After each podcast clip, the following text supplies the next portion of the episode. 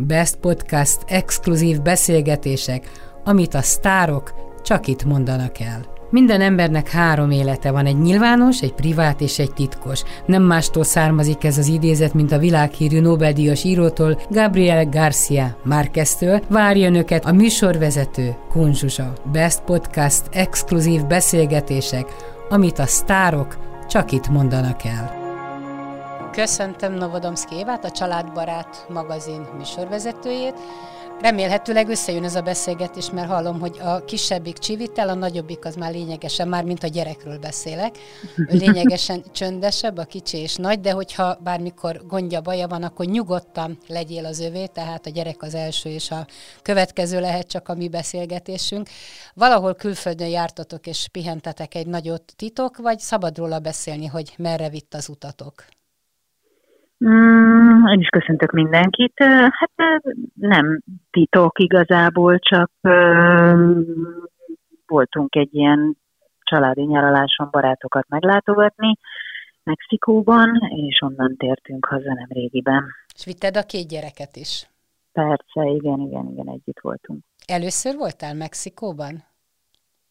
Nem, voltam már egyszer, hát 7 vagy 8 évvel ezelőtt, nem is emlékszem, hogy mikor, nagyon kicsi volt még a Márkó. Ő is volt De akkor, akkor ők nem jöttek, nem, akkor ők nem jöttek. Na és mit szóltak hozzá, hogy viselték a hosszú repülőutat?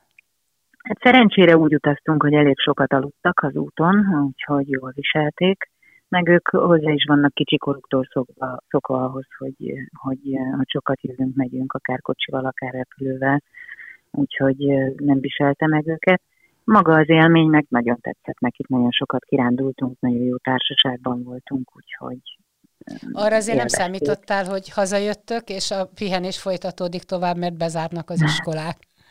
Nem, erre nem, menet közben derültek ki ezek a dolgok, igen, és aztán utána már itthon voltunk, és a vállalt karantén kezdtük volna tölteni, amikor aztán még azon a napon kiderült, hogy, hogy az iskolák is bezárnak, úgyhogy Úgyhogy nem csak ők maradnak itthon, hanem a kis társaik is. És Mexikóban ennek eh, híre nyoma nincsen?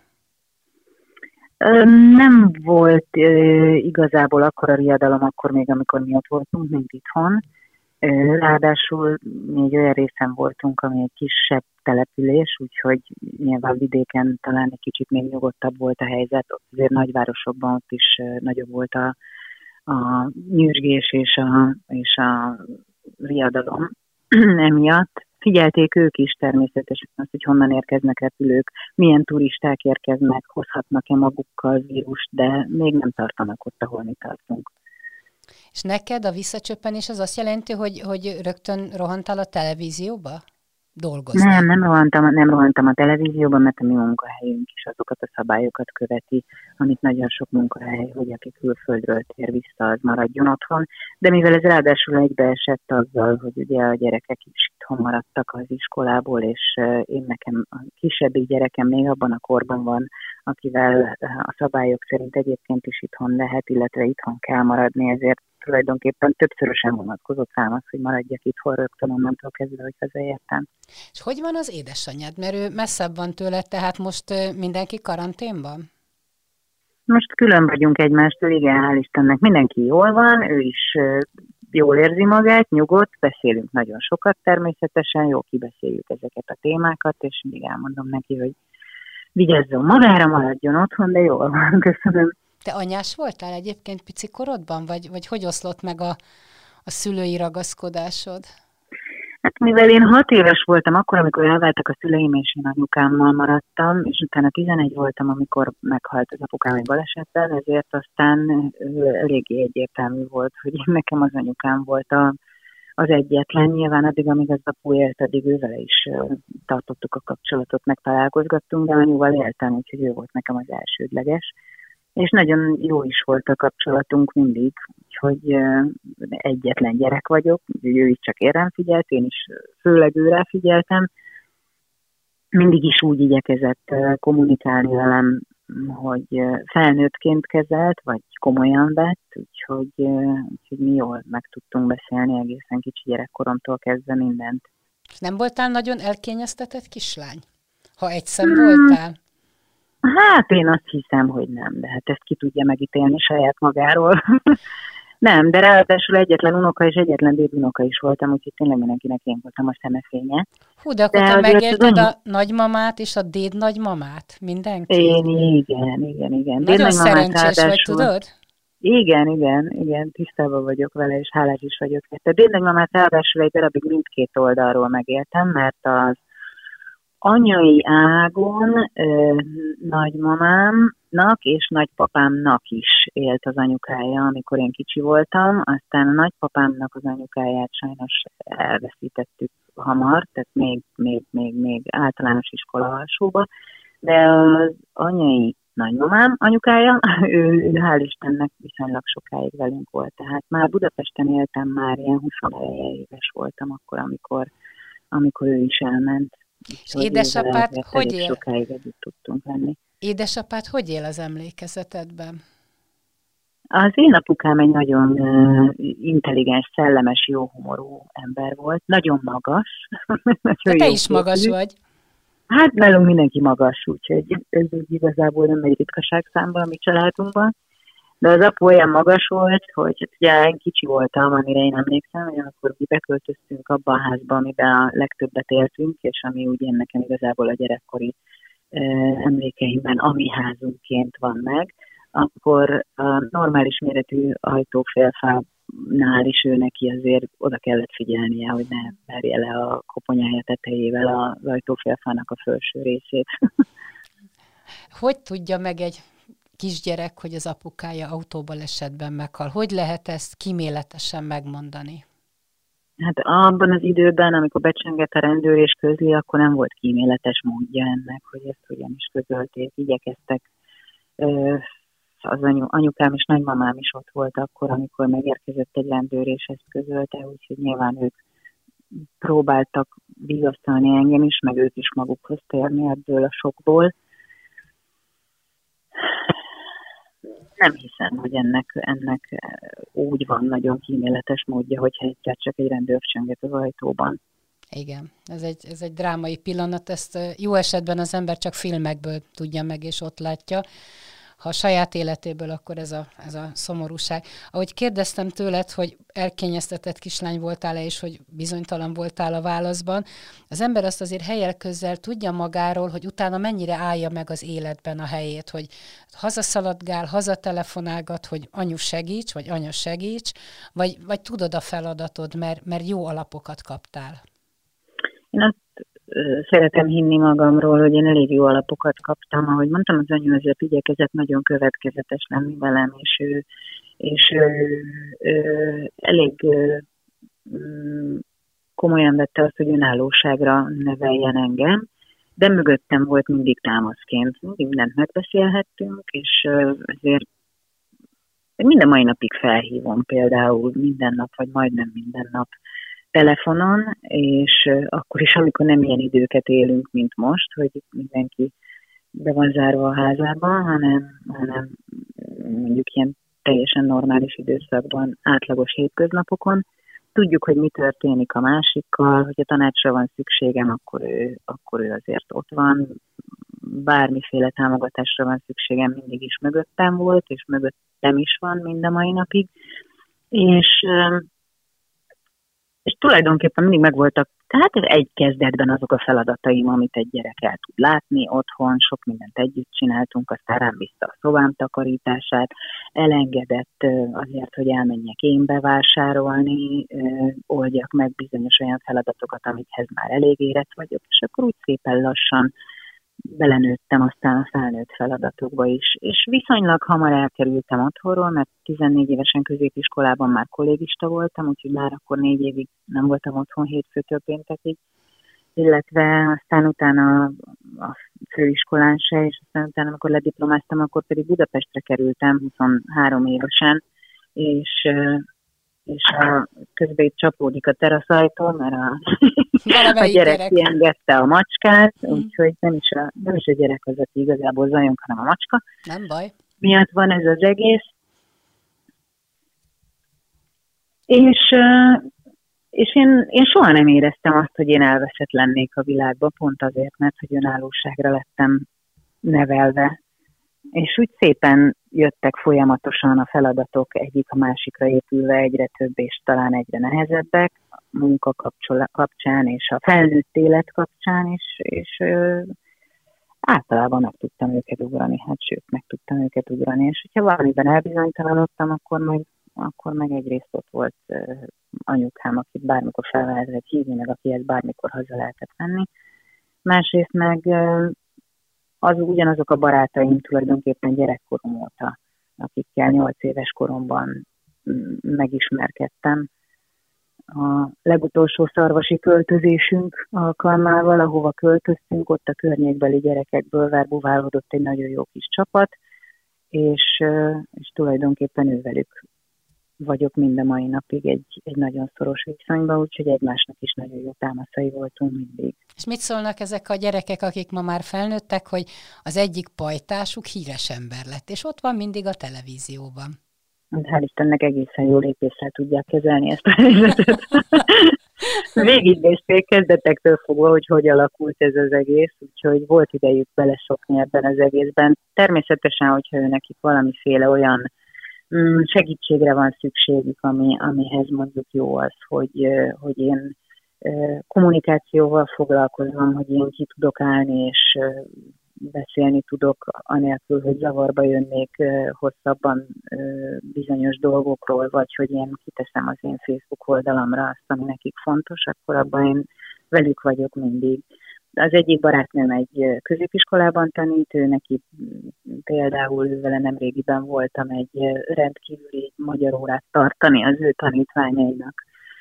De van egy olyan barátnőm, aki egy még nyakrák megelőzéssel foglalkozó alapítványnál dolgozik, és ő nekik is igyekszem sokat segíteni, tehát amikor ő nekik a, az alapítványi napjaik vannak, akkor ezt rendszeresen én vezetem. Akkor most rögtön kettő kérdést mondok egyszer. Az egyik, hogy az irodalom órán miről beszéltél, tehát gondolom arról, ami esetleg neked az erősséged, a másik, hogy éltél-e meg ilyen daganatos betegséget baráti körben, családban, tehát hogy tudod-e, hogy miről van szó? Én az irodalom órán én egyébként magát a kommunikációt kaptam témaként, úgyhogy arról beszéltem, hogy hogyan, hogyan használom, mire használom én a kommunikáció különböző fajtáit az én munkámban és az én magánéletemben. Daganatos betegséget pedig én magam szerencsére nem éltem meg, illetve a családomban sem volt rá példa. Az a barátnőm, aki, aki ennél az alapítványnál dolgozik, ő maga viszont igen, úgyhogy, úgyhogy az ő történetét ismerve még természetesebb is, hogy próbáljuk felhívni a nő figyelmét együtt arra, hogy hogyan lehet ezt elkerülni, illetve hogyha megvan a baj, akkor hova fordulhatnak, és milyen kiutak lehetnek. A két gyerekedet, ha be kell mutatni, akkor melyikről mit mondanál, hogy milyen ez a két legény? Krisztián a nagyobb, ő 15 éves, ő személyiségében jobban hasonlít rám, külsejükben mind a ketten inkább az apukájukra hasonlítanak, bár azért mind a kettőjükön felfedezhetők az én arcvonásaim is, de a színek azok mindent visznek, mivel olyan kreolbőrük van, meg sötét hajuk, meg sötét szemük, mint az apukájuk, meg első ránézésre mindenkinek ő hasonlítanak. Krisztián, ahogy mondtam, személyiségében jobban hasonlít én rám, úgyhogy vele én nekem könnyebb is kommunikálnom és megértetni mindent. Nagyon-nagyon mozgékonyak elevenek mind a ketten, hál' Istennek, de Krisz ő olyan, hogy ő, ő első szóból ért, és ő vele, ő vele meg lehet beszélni elég könnyen mindent, legalábbis nekem könnyű megbeszélni mindent, mert hogy hasonlítunk egymásra. Márkó pedig személyiségében az apukájára hasonlít nagyon, tehát ő a hevesebb, ő a, a déli temperamentumot hozza abszolút mértékben, ő az, akivel nehezebb megértetni azt, hogy, hogy mi miért fontos. Most például ebben a helyzetben, hogy itthon vagyunk, akkor miért kell úgy leülni délelőtt tanulni, mint ahogy mint ahogy az iskolában le kell ülni, nagyon nagy a szabadságvágya, nagyon nagy az igazságérzete, és nagyon könnyen sértődik éppen emiatt.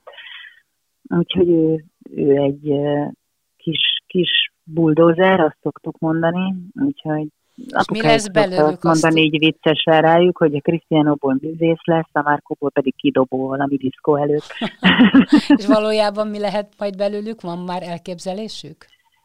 Kicsi, az futbalista szeretne lenni, neki nagyon nagy szenvedélye a foci, elég sok edzése is van egy héten, békeidőkben, és Cristiano, Cristiano pedig azt a vonalat szeretné folytatni, amit apukája csinált, tehát a vendéglátás érdekli nagyon, és minden, ami a konyha és az étterem körül zajlik. Amikor te férjhez mentél, akkor úgy újságokban olvastam és figyelemmel követtem, és miután sokat voltam Olaszországban, nem annyit, mint te, csak nyaralni, az jutott eszembe, hogy vajon hogy viseled azt a vehemens tempót, hogy, hogy az ember a szomszédban azt hittem, hogy kiabálnak, közben csak beszélgetnek. Azt hittem veszekszenek, közben csak vidámkodtak. Tehát, hogy ezt a felfokozott tempót a te szőke európai léteddel hogy, hogy viselted? Én is elég temperamentumos vagyok, úgyhogy nekem ez nem volt igazából újdonság, meg ez egyáltalán nem állt távol az én személyiségemtől se. Inkább ott mutatkoztak meg az első különbségek, hogy hogyan reagálunk bizonyos helyzetekben. Tehát mondjuk, ráadásul ugye én Dél-Olaszországban, Szicíliában voltam, elkerültem ebben a helyzetbe, nekem az, hogy ők hangosan beszélnek, az, az egyáltalán nem volt újdonság. Mi is elég hangos család vagyunk, úgyhogy az én szarvasi családom, ez így ilyen értelemben nem ütött el nagyon az én addigi életemtől, de az, hogy hogyan reagálunk bizonyos helyzetekben, ott nagy különbség volt, és például, tudom én, a gyerekeknél. Tehát, hogyha nálunk elesik egy gyerek, és leveri a térdét, akkor, akkor mi megpróbáljuk megnyugtatni. Egy Szicília anyika, az kétségbe hangosan sivalkodni kezd, és ettől a gyerek talán még jobban frászt kap, mint amennyire magától az eséstől megijedt volna. És ez az élet nagyon sok területén így van, hogy tényleg akkor, amikor mi tudunk fékezni, és tudjuk azt mondani, hogy ú, most egy pillanatnyi csend kell, és most higgadság kell, akkor náluk az első reakció az az, hogy, hogy felcsattannak. És aztán utána persze megoldják a helyzetet, csak az első másodpercek telnek nagyon máshogy. Kicsit hangosan. Nem volt benned az a kislányos, lányos, romantikus lélek, amikor megismerted a férjedet, és elmentetek Sziciliába, hogy egy kicsit a maffiát mutassa meg neked, hogy vajon ott sétálnak az utcán fegyverrel a farzsebükben? A barátnőm, akivel én először lementem Szicíliába azon a nyaraláson, amin megismertem, megismertük a férjemet, ő nagyon nagy rajongója ezeknek a maffia történeteknek. Én különösebben nem, de ettől függetlenül benne voltunk mindenben, éppen azért, mert, mert Bernadett barátnőm kereste ezeket a történeteket, úgyhogy ezt ő teljesítette tulajdonképpen ezt a küldetést, mert ő volt az, aki mindenkit erről faggatott, aki mindent meg akart nézni ezzel kapcsolatosan. De hát aztán persze én is hallottam nagyon sok történetet, hiszen nagyon sok szicíliai család élte meg, tapasztalta meg a, a, a maffia tevékenységét a saját bőrén is.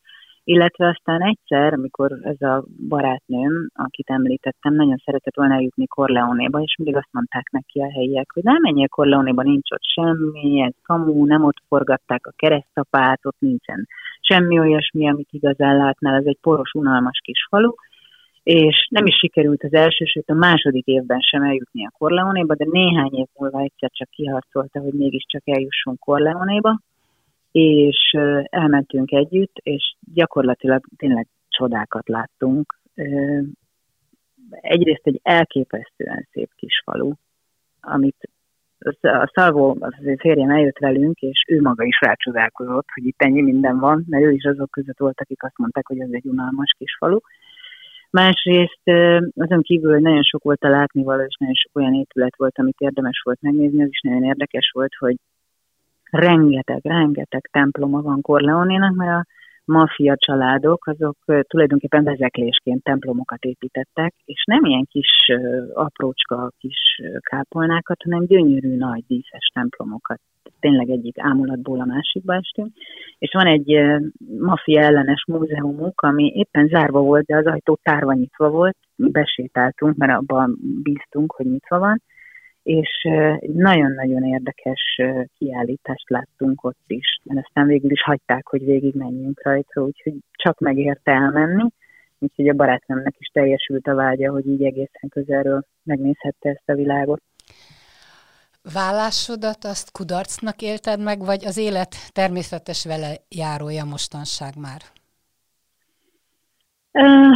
Hát sajnos nem ritka, úgyhogy, úgyhogy elég gyakori, és ezért aztán igen, sokan biztos úgy néznek rá, hogy ez az életnek a természetes velejárója, ráadásul ugye nekem is elváltak a szüleim, tehát én ezt már végignéztem egészen közelről, de ettől függetlenül nyilván kudarcnak éltem meg, mert, mert az ember nem erre esküszik föl akkor, amikor ott a templomban Isten a szülei és a legjobb barátai előtt megígéri azt, hogy ez holtomiglan, holtodiglan tart majd.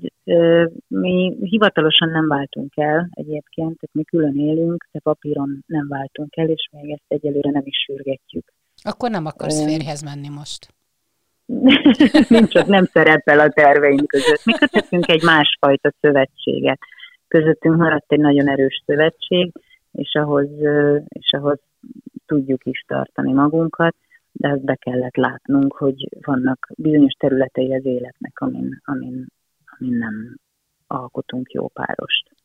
De a bizalmad nem rendült meg a férfiakban? Tehát ja, most nem, viccelődtem, nem, hogy nem mész férjhez, de még fiatal nő vagy, tehát még benne van még egy házasság lehetősége, vagy kapcsolat. Még négy is, hogyha még négy mások példáját. A nagy épp, kinek a példája? hogyha mások példáját ja, igen. nézzük. Igen, tehát, igen. ha nem is megyünk el Gábor Zsazsáig, de hát azért sokan voltak, akiket többször kipróbálták. Szóval akár nem, nem a szíved, meg. Egy, nem? Nem, nem, nem, nem, nem ingott meg a bizalmam ettől függetlenül a férfiakban, meg a nőkben sem, meg senkiben sem. Tehát, hogy mindenkinek egyedi az esete, attól függetlenül, hogy nagyon sok olyan példa van, amelyek hasonlítanak egymásra. Két fiú, nekem is van egy fiam, és én is elváltam, és emlékszem, hogy tizenéves korában furcsán nézett rám, hogyha akár barátként mellém szegődött egy férfi, tehát benne volt a vágy, és benne volt a féltékenység is. Te a fiaidnál ezt hogy éled meg? Hmm, igazából én a fiaimmal uh, egyelőre nem beszélgettem olyan témákról, ami bennük fél, féltékenységet szülhetne. Beszélgettünk úgy általánosságban arról, hogy, hogy hogyan folytatódik az élet, és hogy apának is és anyának is lehet valaki idővel, ez még a leges legelején volt tulajdonképpen, amikor erről elkezdtünk beszélgetni, és nyilván nekik az az álláspontjuk, hogy ők azt szeretnék a legjobban, hogy a szüleik együtt lennének boldogok, de, de kimondták azt is, hogy igazából az a fontos, hogy boldogok legyünk. Tehát nekik, hogyha nyugalom és béke van, akkor az is megfelel, hogyha külön vagyunk boldogok. És te boldog vagy most? Én jól érzem magam a bőrömben, igen. Már azzal óvatosan bánok, hogy mire használom a boldogság kifejezést, mert azért ez egy hosszú menet volt én nekem magamban befele, hogy eljussak oda, ahol, ahol úgy érzem, hogy most vagyok. Bocsánat, most megint ki kell nyitnom az ajtót közben, mert a macska most pedig be akar engedd menni. Be, engedd be, engedd ki. Fáradj be, Zenike, igen, így. Ö, jól érzem magam, és, és, és, és úgy érzem, hogy, hogy kiegyensúlyozottabb vagyok, mint ami voltam nagyon hosszú éveken keresztül egészen más szintjeit, meg más formáit élem meg az önmagammal való harmóniának. De ez azt hiszem, hogy ha nincs ekkora változás az ember életében, mint amekkora az enyémben volt, akkor is bekövetkezik pusztán azzal, hogy gyűlnek a tapasztalataink, ahogy múlnak az évek. Azt néztem meg, olvastam, hogy még életmód tanácsadó is vagy, van egy ilyen képesítésed vagy végzettséged. Igen. Az ember tud magának a kritikus helyzetekben tanácsot adni, vagy, vagy mástól kér segítséget? Um, nyilván megpróbáltam én magam a saját józan eszemmel végig gondolni sok helyzetet, és, és szerencsés alkat vagyok abból a szempontból, hogy tudok mérlegelni eh, pánik helyzetben is, vagy szorult helyzetemben is, de hál' Istennek én tényleg olyan barátokkal vagyok körülvéve, akik, eh, akik mellettem voltak, vannak, és biztos vagyok benne, hogy lesznek is helyzetekben, ahogy én is ő mellettük vagyok különböző helyzetekben, úgyhogy azért elég jól át tudtunk beszélni mindent, különböző fázisokat, különböző helyzeteket mindannyiunk életében. Te tudod, hogy mit rontottál el? Én azt gondolom, hogy tudom, igen. Titok, vagy tudod mondani? Valószínűleg nem minden részéről beszélek szívesen, de, de néhányat hiszem ki tudok emelni. Nem gondolom, hogy, hogy az ember csak egyetlen egy dolgot nevez meg ilyenkor, és nem is biztos, hogy, hogy, hogy úgy fogalmaznék, hogy elrontottam. Akkor 20 évesen arra voltam képes, ennyi tapasztalatom volt, akkor 31 nehány évesen. Az volt az én személyiségem, Nekem egy olyan férjem, mint, mint, mint az én férjem, aki, aki egészen máshogy szocializ, szocializálódott Szicíliában, többet kellett volna figyelnem valóban arra, hogy megértsem, hogy az, azt, hogy ő hogyan is nőtt fel, hogy ő milyen családmodellben nőtt fel. De valahogy én azt gondoltam, hogy ha mi itt élünk Magyarországon, akkor az az érvényes, amiben én nőttem fel. És, és én ehhez ragaszkodtam és nem, nem is voltam elég engedékeny abban, hogy, hogy, hogy én máshova helyezzem magam férfinői szerepekben, mint ahol a magyar nők vannak. Pedig a sziciliai nők nagyon-nagyon máshol vannak, és nagyon más, hogy érvényesítik a saját jogaikat más eszközökkel. Most már azt hiszem, hogy máshogy csinálnám. Milyen egy szicíliai nő? Mondjuk egy házasságban. Egy, egy szicíliai nő egy házasságban ahhoz tudnám hasonlítani tulajdonképpen, mint a nagymamáink voltak. Tehát ők még mindig olyanok. A szőnyeg vagy mondták, a köpenyük alá söpörnek, kötényük alá mindent? Sok mindent, igen, meg amire azt mondják, tudod, jönnek mindig ezzel a példával, hogy a férfi a feje, nő a nyak. És Milyenek a férfiak? Nem hallottam. Hogy a, férfi, hogy a férfi a fej, a nő meg a nyak. Ja, értem. Ez, ez, így, ez, így, ez így sokkal erőteljesebben érezhető náluk, és sokkal türelmesebbek abból a szempontból, hogy, hogy, hogy ők ki tudják várni. Biztos itthon is sokan képesek rá, én speciál sosem voltam képes rá, hogy ők ki tudják várni azt a két-három napot, amíg le kell, hogy csendesedjen, akár egy új ötletnél, akár egy új indulatnál a férjük, mikor hazajön egy elháborodással, vagy amikor hazajön egy végtelen nagy kreatív ötlettel, ami nem feltétlen fél bele a család életébe, és nem mondanak azonnal ellen, hanem megvárják, amíg lecseng ez az egész, és akkor kezdenek el óvatosan ilyen oldalvizeken bejönni az ő gondolataikkal. Én meg mindig ilyen szemtől szembe tárgyaló voltam. nekem, nekem ez nem ment. Ha mondjuk most ott sündörögnek körülötted egy másik szicíliai férfi, akkor könnyen elcsábíthatná a szívedet, vagy azért tanultál ebből? Nem is a szicíliaiság itt igazából az, ami, ami, ami a mérvadó ebben az egészben. Tehát egy bármilyen férfi sündöröghetne, hogyha, hogyha kellő hatást tud gyakorolni rám. Úgyhogy ez nem a, a honnan származásán, nem a származásán múlik elsődlegesen. Um, azt azt hiszem, hogy, hogy jobban odafigyelnék arra, hogy hasonlóan lássuk, nem hogy hasonlóan, hanem hogy lehetőleg minél inkább egyformán lássuk a világot. Nekem volt egy barátnőm, aki azt mondta, hogy ha az ember férjhez akar menni, vagy társra vágyik, akkor elég az, hogy fölmegy a fiatalember lakására, körülnéz a könyvespolcon, mondjuk ezt 20 éve mondta, nem tudom, hogy most hogy néznek ki a könyvespolcok, egyáltalán van-e még, és hogyha azonosak a könyvek, akkor nyugodtan összebutorozhatnak. Ez nem rossz gondolat szerintem. Igen, igen, ezzel egyet tudok érteni. Tehát, hogy valahol itt kezdődik egy közös alapoknál, közös kulturális háttérrel, közös érdeklődésnél kezdődik. Persze az ember ezt 20 évesen jó, hogy nem tudja, akkor a vakszerelem viszi a maga kis vasútján.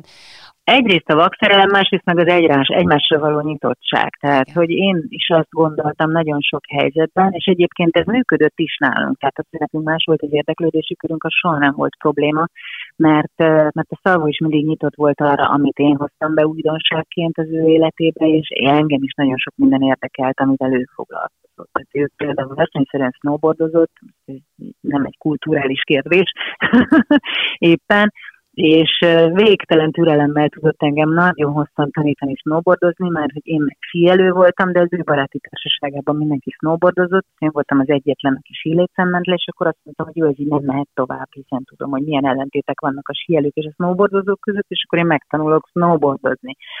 Hát aztán utána ültem egyszer-kétszer sírva a hóban, hogy ezt miért kellett nekem kitalálni, mert ez uh-huh. nem egyszerű, mint ahogy azt én elképzeltem, mint amilyen könnyű annak idején síelni volt megtanulni. És, és ez nagyon sok mindenben működött, hogy ő is kíváncsi volt arra, ami, ami, ami én nekem fontos. Ahogy mondtam az előbb, hogy életmód tanácsadó vagy, ezt miért végezted el ezt az iskolát? Mire gondoltál? Saját magad miatt, vagy tényleg úgy gondoltad, hogy na most megváltod a világot? Ez elsődlegesen az, e, az egészséges életmódról szólt, és ez engem mindig is érdekelt, és anyukámat is mindig is érdekelte, és tulajdonképpen ő találta annak idején ezt az iskolát, kérdezte tőlem, hogy ő megy, nekem van-e kedvem vele menni. Úgyhogy mi három évig együtt ültünk az iskolapadban anyukámmal. Helyesek lehettetek. Igen, főleg ő volt a szorgalmas, úgyhogy én róla lestem meg, az ő jegyzeteiből éltem. Így tudott, tudott azért működni. Ráadásul én akkor vártam a Krisztiánot, úgyhogy én az utolsó évben már már otthonról tanultam, mert, mert akkor volt újszülött a Krisztián, és én úgy mentem el a, az utolsó vizsgánkra is, ami lezárta a három évet, hogy, hogy egy pár hónapos volt a Krisz. Úgyhogy kicsit izgalmas volt így ennek az egésznek a vége. Re, ja, és hát ugye még akkor, amikor meg elkezdtük az iskolát, akkor meg még híradoztam, úgyhogy nagyon sokszor volt az, hogy olyan volt a beosztásom, hogy nem is tudtam ott lenni a suliba. Úgyhogy nem a lógás miatt használtam én az anyunak a jegyzeteit, hanem azért, mert így fért bele az életembe az iskolába járás. És nagyon sok hasznos dolgot tanultunk a gyógynövényekről, a masszázsokról, a aromaterápiáról, a helyes táplálkozásról, olyan szintű kórélettant és anatómiát tanultunk, mint az egészségügyi főiskolások, nem az orvosi egyetemisták, csak, az, csak idézőjelben az egészségügyi főiskolások, az azért elég harcos volt. Neked talált, tanultunk egy-két ilyen elvarázsolt dolgot is, tehát tanultunk mi ingával is földsugárzásokat bemérni, és akkor hiszel ebben? Ez tényleg létezik, hogy mondjuk, hogy a házadban ott az ingát hagyod ide-oda kilengni, és akkor áttolod az hiszek, ágyadat, mert nem jó helyen Abban van? hiszek, abban hiszek, hogy, hogy vannak, vannak olyan területei a, a Földnek, és olyan sávok, amelyek más energetikájúak, de emiatt én nem tologatom az ágyamat össze-vissza, és bár ötösre vizsgáztam ebből a tantárgyból, de nem vennék soha ingát a kezembe azért, hogy mondjuk neked jó szándékból bemérjem, hogy hol az ágyadnak a helye, mert abban nem hiszek viszont. Uh-huh. És az asztrológiában hiszel? Nem, nem, nem, nem. Nekem még, nekem még soha nem jött be. Úgyhogy... De jósoltak neked? A horoszkópomat elkészítették többször is, nagyon alaposan, nagyon személyre szabottan, és milyen jegyben születtél? Nem, nem állt össze, én bak vagyok. És nem jött össze, amit megírtak a horoszkópban? Nem, és nem is érzem magam igazi baknak. Tehát ahogy lefestik a bakot így nagy általánosságban, az, az szerintem nem én vagyok. És akkor milyen vagy valójában? Hát nem kerestem ki őszintén szólva, hogy akkor most én melyik csillagjegynek is érzem magam, de de valami, de valami sokkal vidámabb és sokkal könnyedebb, mint amilyen jegy a bak. Jövőben nézve jut -e eszedbe még, hogy valamit kellene tanulni? Nagyon-nagyon sok mindent szeretnék még tanulni, és nagyon sajnálom, hogy pillanatnyilag nincs elég időm és lendületem hozzá. Talán az időt az ember, hogyha akarja, akkor azért tényleg meg tudja találni, legfeljebb tovább maradok fent, vagy korábban kelek reggel, bár azért elég sűrű az élet, de, de valahova azért talán még egy kis cipőkanállal csak be lehetne szuszakolni. Nagyon szeretnék egészen mélyen és egészen komolyan foglalkozni a, a jogával, a táplálkozás tudományjal, Úgyhogy ezekkel így autodidakta módon próbálok azért én itthon előrébb jutni, és állandóan roskadásig megpakolva jövök ki egy-egy könyvesboltból, amikor beszabadulok, már néha félek bemenni, összevásárolok minden ezzel kapcsolatos könyvet. De azért ennivalót is veszel, remélem a hűtőd is tele van, nem csak a könyvespolc, mert oda jutsz, hogy semmit nem lehet enni, mert minden tele van tartósítóval. nem, nem, szerencsére ezért megvan ebben az egyensúly. Úgyhogy én így magam a szabad időmben próbálok ezeknek a dolgoknak utána olvasgatni, ami engem érdekel, aztán, aztán lehet, hogy majd egyszer sikerül lesz tényleg iskolai keretek között is megtanulni. De azért nem könnyű gyermekét, két gyermekét egyedül nevelő anyukának lenni, még akkor sem, hogyha szövetségben maradtatok a férjeddel, mert azért, hát gondolom azért többet vannak nálad a gyerekek.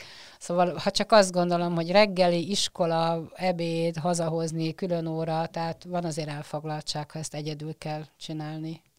Persze van, meg hát ugye én nekem eléggé össze-vissza az életem abból a szempontból, hogy van, amikor délelőtt dolgozom, van, amikor délután, van, amikor este éjszakában nyúlóan, és van, amikor hétvégén, tehát hogy De mit csinálsz egy éjszakában nyúlóan?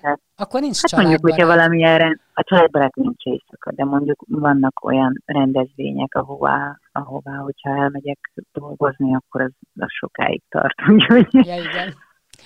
Igen, tehát akkor azért ez elég, elég... Illetve nyilván annak, aki képernyős, annak vannak olyan kötelezettségei, akár egy interjú, akár egy fotózás, akár valahol egy megjelenés, ami, ami lehet akár este is, vagy ki, ez akár igaz. késő este is. Ez igaz. És most, hogy otthon vagy, most azért kicsit lazábban telik az idő? Tehát több jut magadra?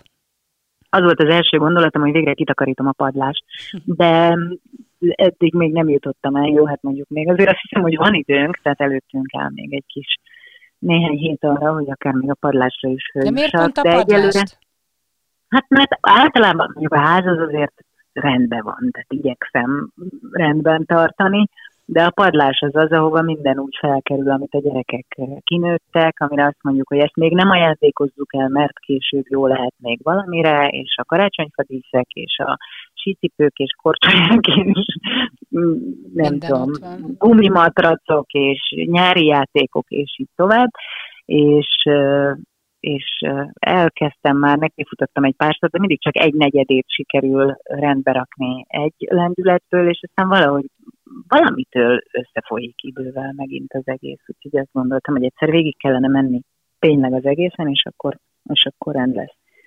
Meg mindig azt mondja a szomszédasszonyom, hogy a feng shui szerint, hogyha a fejed fölött a padláson nincs tökéletes rend, akkor az életedben sem lesz. Na ez nem jutott eszembe. Látod, nálunk is kupi van a padláson, jó, hogy mondtad. Lehet, hogy tényleg igaz. Hiszel a feng shui-ban? Nem ismerem annyira a feng shui-t, hogy meg tudjam ítélni, hogy hiszek benne vagy sem, mert hogy abban abba még nem ástam bele magam, de az, hogy, hogy, egy, hogy egy rendszerhez szoktatja az embert, és hogy már előre egy térrendezés, az szimpatikus benne. Uh-huh. Nagyon szépen köszönöm Novodomszki Évának. Bírt ki, mert köszönöm hosszú lesz nektek is. az iskolaszünet, és ha egyelőre nem lehet sehova menni, akkor azért bezárva nem annyira jó, de hát azért ezt két gyerekkel ki lehet bírni, jó programok. Hát igyekszünk, játékokkal, igyekszünk legyél kreatív. Rendszereket igen, igen, igen. Nagyon sok feladatot kitűztünk már magunk elé, úgyhogy megpróbálunk szépen végigmenni rajtuk, és akkor Köszönöm szépen, és akkor jó pihenés nektek. Szia, szia! Köszönöm én, és szia. neked is. Szia, szia! Best Podcast exkluzív beszélgetések, amit a sztárok csak itt mondanak el. Minden embernek három élete van, egy nyilvános, egy privát és egy titkos. Nem mástól származik ez az idézet, mint a világhírű Nobel-díjas írótól, Gabriel Garcia Márqueztől. Várja önöket a műsorvezető Kunzsuzsa. Best Podcast exkluzív beszélgetések, amit a sztárok csak itt mondanak el.